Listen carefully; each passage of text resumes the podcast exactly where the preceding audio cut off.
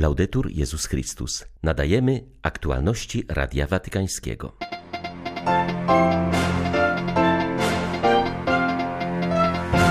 Święty Franciszek jest popularny, ludzie go kochają, lecz nie rozumieją, stwierdził papież w kontekście przygotowań do 800-lecia śmierci biedaczyny z Asyżu. Do modlitwy za miliony dzieci, które są wykorzystywane do niewolniczej pracy, wzywa Franciszek w intencji modlitewnej na listopad. Ukraińców nie da się zastraszyć, zmasowane ataki agresora jeszcze bardziej nas jednoczą, mówi arcybiskup Światosław Szewczuk. 31 października witają Państwa ksiądz Tomasz Matyka i Krzysztof Brąk. Zapraszamy na serwis informacyjny. Franciszek z Asyżu to święty bardzo popularny i lubiany, jednakże jest to też święty niezrozumiany, powiedział papież na audiencji dla organizatorów franciszkańskiego jubileuszu, podkreślając, że prawdziwym źródłem biedaczyny z Asyżu jest Jezus Chrystus, jego wiara i spotkanie z ukrzyżowanym. W 2026 roku przypada 800 lat od śmierci założyciela Franciszkanów. Jednakże przygotowany przez nich jubileusz rozpocznie się już trzy lata wcześniej, w 800. rocznicę powstania pierwszego żłóbka w Greccio oraz zatwierdzenia reguły zakonu. Natomiast w roku 2025 bracia mniejsi będą obchodzić okrągłą rocznicę otrzymania stygmatów przez świętego Franciszka. Wszystkie te obchody, jak zauważył papież, przybierają postać pielgrzymki, która powiedzie z franciszkańskich sanktuariów w okolicach Rieti przez Laverne w Toskanii aż do Asyżu. Kiedy postanowiłem przybrać imię Franciszek, wiedziałem, że odnoszę się do świętego, który jest bardzo popularny, a zarazem niezrozumiany. To prawda, był on człowiekiem pokoju, człowiekiem ubóstwa, kimś, kto kocha i podziwia stworzenie. Ale z jakich korzeni wyrasta to wszystko? Co było źródłem? Jezus Chrystus, zakochany w Jezusie Chrystusie. I aby naśladować Go nie boi się śmieszności. Idzie naprzód, Źródłem całego jego doświadczenia była wiara. Franciszek otrzymuje ją w darze przed ukrzyżowanym. I to Pan, ukrzyżowany i zmartwychwstały, objawia mu sens życia i ludzkiego cierpienia. A kiedy Jezus przemawia do niego w osobie trędowatego, doświadcza on ogromu Bożego miłosierdzia i własnej małości. Dlatego właśnie pełny wdzięczności i zdumienia biedaczyna spędza całe godziny przed Panem, mówiąc, kimże Ty jesteś, a kim jestem ja. Z tego źródła otrzymuje w obfitości Ducha Świętego, który skłania go do naśladowania Jezusa i do dosłownego wypełniania Ewangelii. Franciszek przeżywał naśladowanie Chrystusa i miłość do ubogich jako coś nierozdzielnego, niczym dwie strony medalu. Come due facce di una stessa medaglia. Obyście mogli być w waszych codziennych zadaniach świadkami oraz tkaczami komunii, mówił dziś Franciszek do członków włoskiej organizacji Koperkom zrzeszającej stowarzyszenia zajmujące się komunikacją. Franciszek zwrócił uwagę na rolę komunikacji w synodalności, która opiera się na wzajemnym kontakcie między różnymi członkami Kościoła.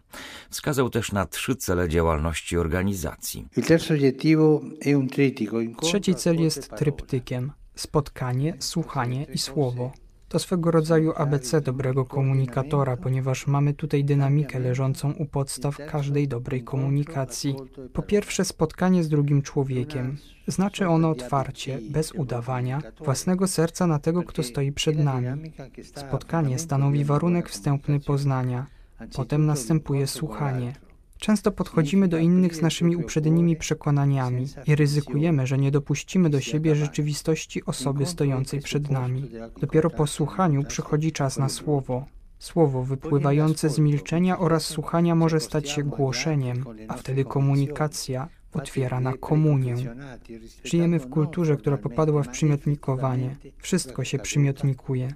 A kiedy to następuje, tracimy rzeczownikowość danej rzeczy. Dynamika spotkania, słuchania i mówienia może stanowić punkt zwrotny w wielu sytuacjach konfliktowych, jakie zdają się chcieć pochłonąć obecne czasy.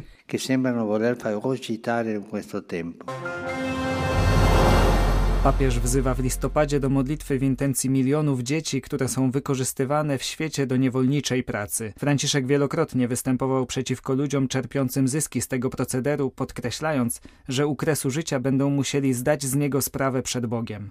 Szacuje się, że 150 milionów nieletnich jest zmuszanych do pracy. W praktyce oznacza to co dziesiąte dziecko na świecie. Statystyki ostatnich lat podają, że 70 milionów nieletnich pracuje w warunkach zagrażających życiu.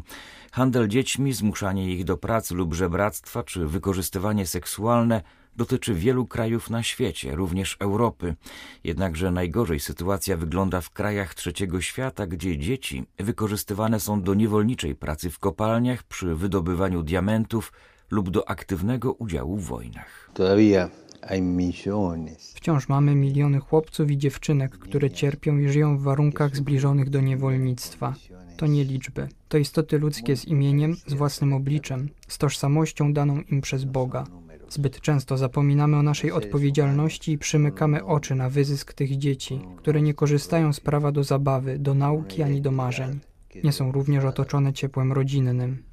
Każde dziecko zepchnięte na margines, porzucone przez rodzinę, pozbawione nauki w szkole, bez opieki medycznej, jest krzykiem. To krzyk wznoszący się do Boga i oskarżający system, który my dorośli zbudowaliśmy. Porzucone dziecko to nasza wina. Nie możemy dłużej pozwalać na to, aby dzieci czuły się samotne i opuszczone powinny mieć możliwość zdobycia wykształcenia i czuć miłość rodziny, aby wiedzieć, że Bóg o nich nie zapomina. Módlmy się, aby cierpiące dzieci, które żyją na ulicy, ofiary wojny i sieroty, miały dostęp do edukacji i mogły odkryć bliskość rodziny. El afecto de una familia. Mówią mędrcy, że wszystkie wojny powstają najpierw w sercu człowieka, są wypróbowane w rodzinie, eksperymentuje się na nich w społeczeństwie, a niszczą one całą ludzkość, podkreślił dziś arcybiskup Światosław Szewczuk. Hierarcha zaznaczył, że podczas wojny trzeba szukać sposobów do wzmacniania własnego społeczeństwa. Wśród walk na froncie i ataków na cywili mocne relacje, a z nich najważniejszą jest miłość, której możemy się nauczyć w rodzinach, pozwolą Ukraińcom wytrwać oraz odbudować zniszczenia. Zwierzchnik miejscowych grekokatolików wyraził radość z powodu uwolnienia w ostatnich dniach z rosyjskiej niewoli 52 jeńców. Równocześnie wezwał do modlitwy za wszystkich, którzy wciąż przebywają w katowniach okupanta. Hierarcha wskazał też na ciągłe zbrodnie dokonywane przez Rosjan. Ostatniej doby agresorzy ostrzelali obiekty cywilne na całym terytorium Ukrainy. Ucierpiały Charków, Czerkasy, Połtawszczyzna, Zaporoże czy Kijów. Część ukraińskiej stolicy pozostaje w wyniku zniszczenia infrastruktury bez światła i bez wody. Ворог думає, jeszcze zastraszyć Ukraińców. Wróg myśli, że zastraszy Ukraińców. Wydaje mu się, że złamie nasze pragnienie wolności, ale z każdym takim atakiem Ukraina staje się silniejsza.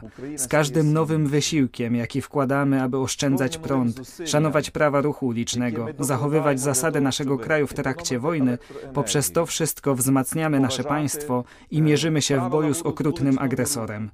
Też w ciągu ostatnich dni boli nas bardzo wiadomość, że Rosja zablokowała tak zwaną umowę zbożową. Słyszeliśmy już o takiej możliwości kilka tygodni temu w rejonie Odessy.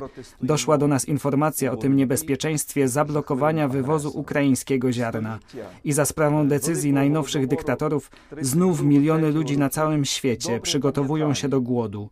Ukraina, która przeżyła Hołodomor, która za kilka tygodni będzie właśnie rozpoczynać rok pamięci na stulecie tego wielkiego głodu w latach 1932 i 33, dobrze pamięta, co znaczy śmierć z głodu. Ale nawet podczas wojny myślimy o tym, jak można głodnych nakarmić, spragnionych napoić, cierpiących z powodu zimna ogrzać i odziać. Stąd dziś mówimy: Ukraina stoi, Ukraina walczy, Ukraina się modli. Ukraina broni godności człowieka, prawa każdego do życia i wolności, prawa każdego do bycia gospodarzem na swojej rodzimej ziemi. Gospodarem na swojej rodzinnej ziemi. Muzułmańscy pasterze Fulani przeprowadzili kolejny atak na chrześcijan środkowej Nigerii. Dziesiątki ludzi zginęło, a zniszczona wioska pozostaje opuszczona, podaje agencja CNA. Do masakry doszło 19 października w Bedzi, miejscowości liczącej około 5 tysięcy osób. Lokalny radny podaje, że stwierdzono co najmniej 71 ofiar śmiertelnych, w tym wiele kobiet i dzieci. Do ataku doszło 6 nad ranem. Grupa około 200 napastników otworzyła ogień, a następnie podpaliła domy i dobijała uciekającą ludność, relacjonuje lokalny duszpasterz. Pasterze Fulani zaatakowali motywowani zemstą. Dwa dni wcześniej czterech ich współziomków zginęło w potyczce z chrześcijańskimi rolnikami broniącymi swych pól przed zagrażającymi im stadami. Konflikt etniczny w Nigerii narasta w ciągu ostatnich lat. Muzułmańscy pasterze, stanowiący około 10% populacji kraju, doszczętnie zniszczyli już wiele wiosek i miasteczek w środkowej Nigerii. W tym regionie tylko w pierwszej połowie 2022 roku zginęły co najmniej 1484 osoby. Na domiar złego w tym roku okolice nawiedziła też jedna z najtragiczniejszych powodzi w historii kraju. Papieska wizyta w Bahrajnie wpisuje się w kontekst poprzednich podróży apostolskich do takich krajów jak Zjednoczone Emiraty Arabskie, Kazachstan, Irak, Maroko, Egipt czy Azerbejdżan. Wskazuje na to w rozmowie z Radiem Watykańskim kardynał Pietro Parolin. Franciszek uda się do tego położonego w Zatoce Perskiej kraju w przyszły czwartek. Pozostanie tam do niedzieli. Watykański sekretarz stanu podkreśla, że ogniwem łączącym wszystkie te podróże do krajów muzułmańskich jest głoszenie prawdy, że między Bogiem i nienawiścią, religią i przemocą istnieje absolutna niezgodność. Są to sprawy, których nie da się pogodzić, bo kto akceptuje nienawiść i przemoc, wynaturza religię. Zapytany o relacje między Bahrajnem i stolicą apostolską, kardynał Parolin odpowiedział. W Bahrajnie islam jest religią państwową, a szariat jest podstawowym źródłem prawa. Jeśli chodzi o wspólnotę chrześcijańską, to należy do niej około 10% mieszkańców kraju, a katolików jest od 80 do 100 tysięcy.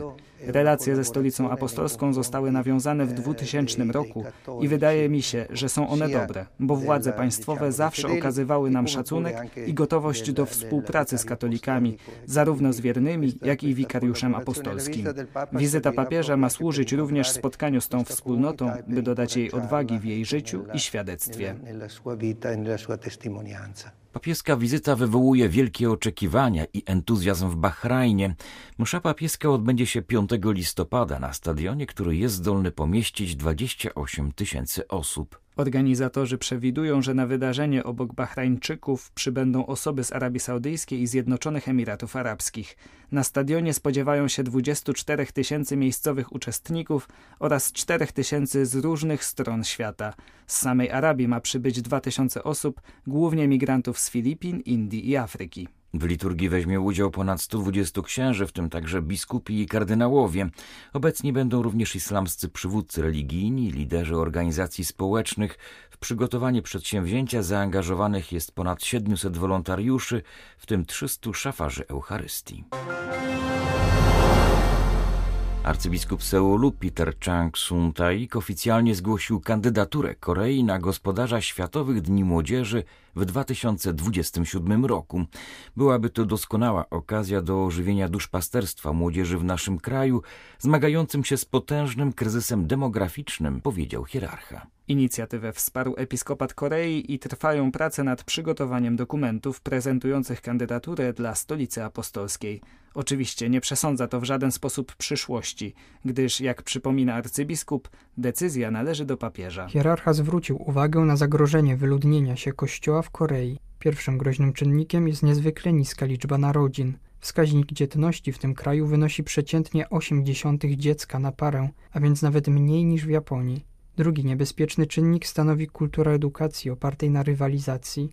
Młodzi rzuceni w wir nauki nie mają po prostu czasu i chęci, by zaangażować się w wiarę. To wszystko sprawia, że potrzebujemy punktu zwrotnego w duszpasterstwie młodzieży w Seulu i Światowe Dni Młodzieży są dobrą okazją dla dokonania go. Tłumaczę, że chodzi o przedsięwzięcie, które wymaga długich przygotowań i właśnie taki proces może stać się doskonałą okazją, by zgromadzić młodych wokół jednego projektu, który będzie zależał od nich. Były to aktualności Radia Watykańskiego. Laudetur Jezus Chrystus.